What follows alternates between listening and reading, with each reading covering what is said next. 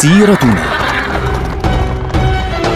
مع الدكتور عبد الله معروف.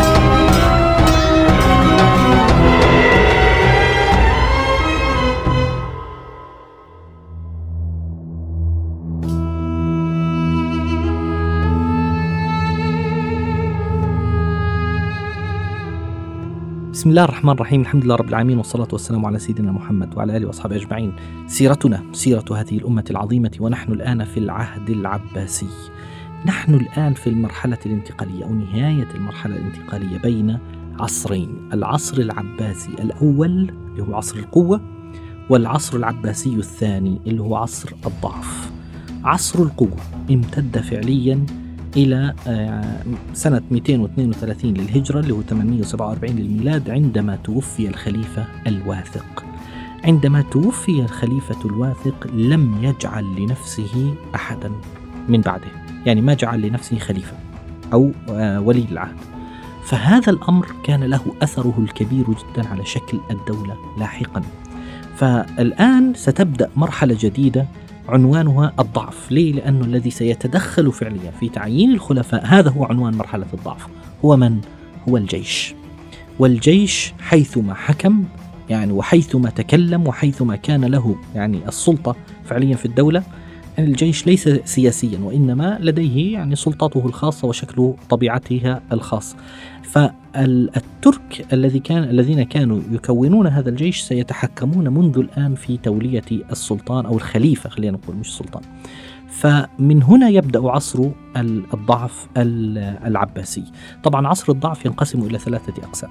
يقسمه العلماء إلى ثلاثة أقسام.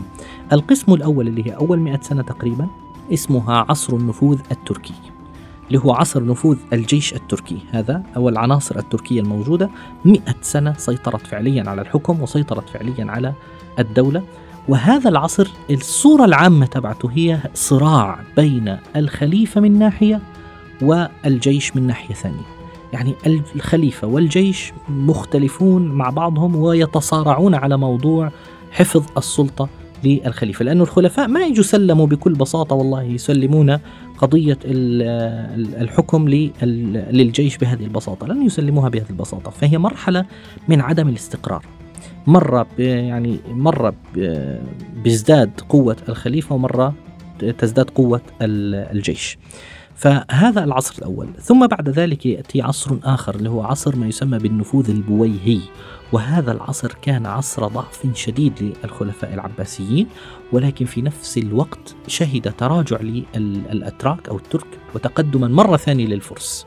ثم بعد ذلك بيبدأ عصر وامتد حوالي 100 110 سنين تقريبا أو 112 سنة بهذه الحدود. ثم يبدأ بعده عصر هو أطول هذه العصور وهو عصر النفوذ السلجوقي اللي هم عائلة من عائلات الترك اللي هو في زمنهم كان قد تغير شكل الترك عموما وتغيرت طبيعتهم بالكامل وأصبحوا جزءا حقيقيا من المجتمع بالكامل ومن الحضارة الإسلامية بشكل عام حتى حتى فيما يتعلق بنوعية الحضارة بمعناها أو بمفهومها اللي إيه المادي أيضا. طبعا نبدأ من هذه اللحظة في العصر الأول اللي هو عصر النفوذ التركي. قلنا إنه الخليفة الواثق مات ولم يولي أحدا. فاجتمع الجيش وفكروا ماذا نفعل؟ من نختار؟ من نتكلم؟ من مش عارف إيه؟ مين يختاروا؟ فاختاروا بأنفسهم المتوكل وهو جعفر أبو الفضل جعفر كما يسمى. طبعا اسمه آه، جعفر آه، أبو الفضل ابن المعتصم. اللي هو ابن الرشيد يعني جده هو هارون الرشيد وأبوه هو الخليفة المعتصم. فالمبدأ هذا الرجل اختير فعليا وبدأ منذ زمنه عصر تدخل الترك في الحكم. لكن ليس من البداية. يعني المتوكل حكم 15 سنة تقريبا. هذه مرحلة لا بأس بها فترة طويلة. لكن لما نيجي بعده بيجي بعده المنتصر ثم المستعين ثم المعتز ثم المهتدي ثم المعتمد ثم المعتضد ثم المكتفي ثم المقتدر والقاهر الراضي المتقي وأخيرا المستكفي. هؤلاء الخلفاء كل واحد فيهم حكم فترة قصيرة باستثناء مرحلة الخليفة المعتمد والخليفة المعتضد ثم بعده إلى حد ما المكتفي. هذه المرحلة اسمها صحوة الخلفاء سنتكلم عنها لاحقا إن شاء الله. لكن في هذه المرحلة كانت البداية مع المتوكل. المتوكل حكم أولا 15 سنة فترة طويلة طبعا مش قصيرة. وفي خلال ال 15 سنة هذه سيتف... يعني سيتغير كثير من الأشياء.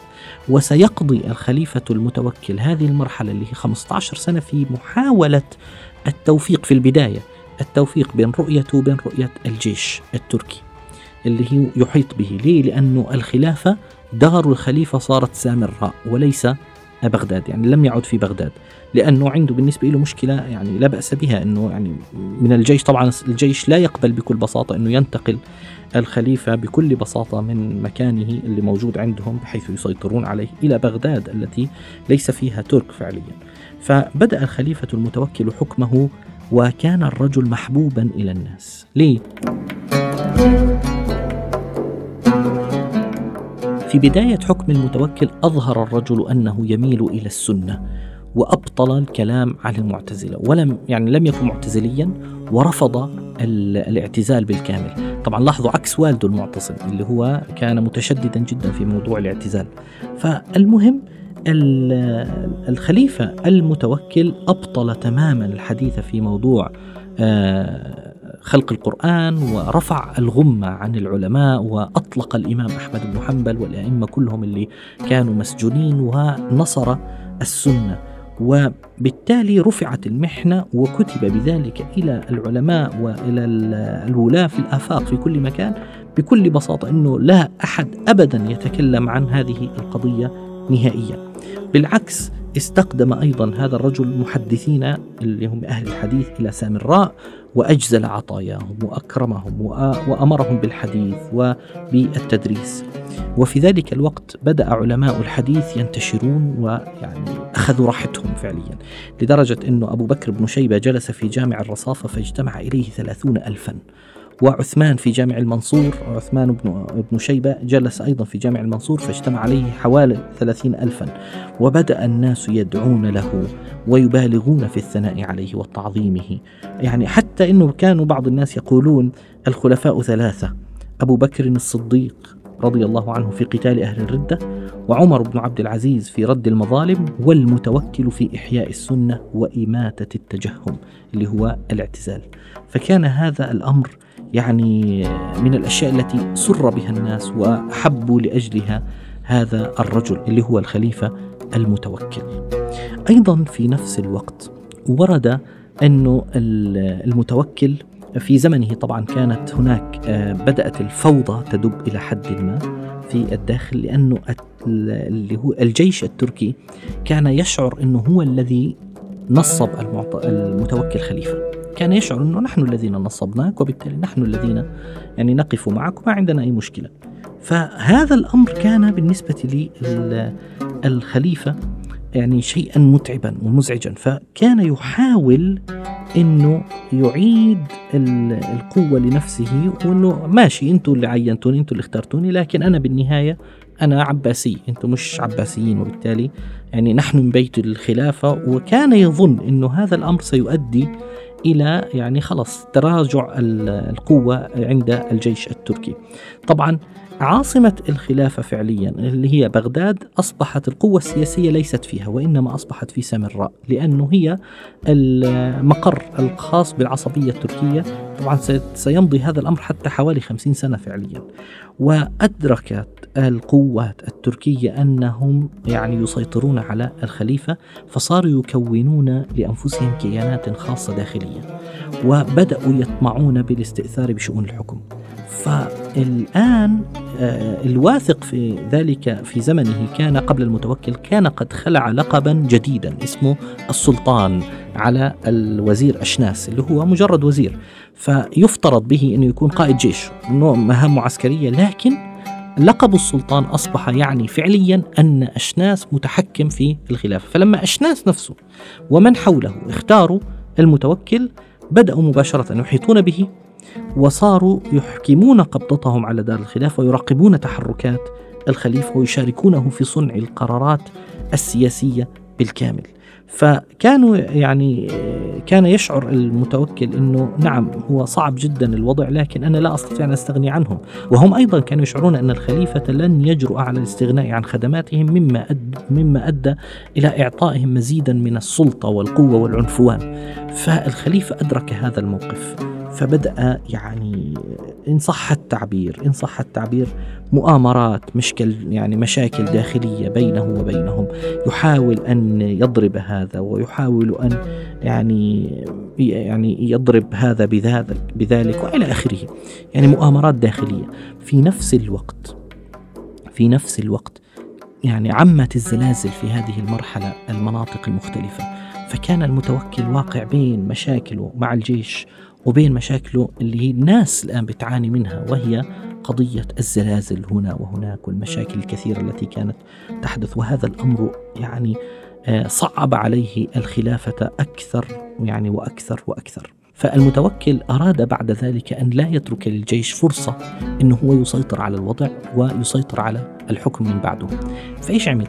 فراح بدأ يفكر هو بتولية ولي العهد أنه هو اللي يختار ولي العهد وينتهي الأمر. فاختار المنتصر ابنه.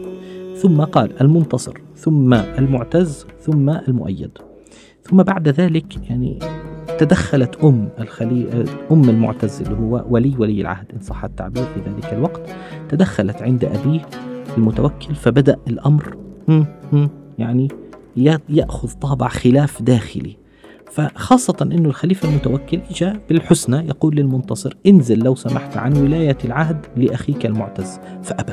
فصار الخليفة المتوكل يجلس ولي عهده ابنه المنتصر في مجالس العامة ويشتمه ويتهدده ويتوعده ويحط من منزلته أمام الناس. ليه؟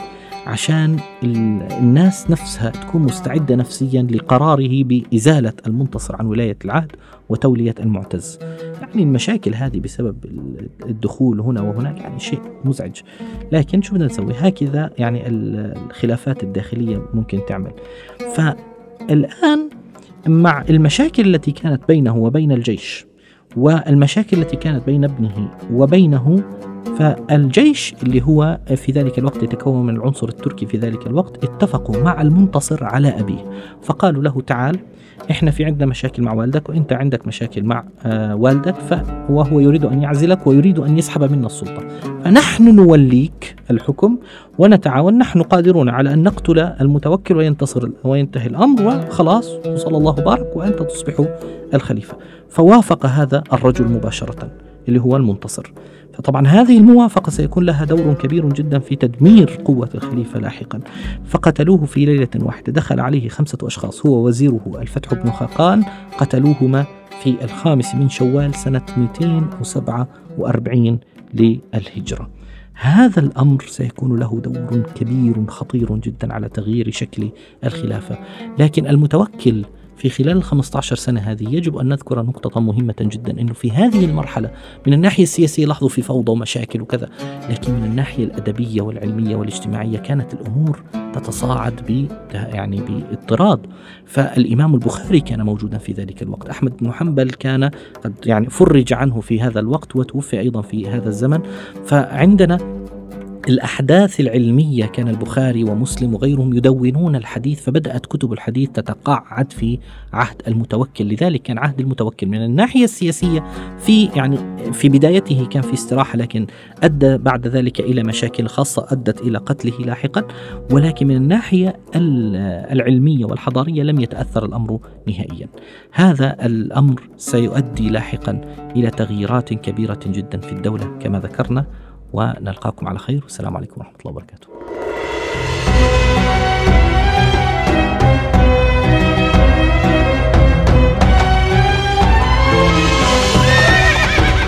سيرتنا مع الدكتور عبد الله معروف.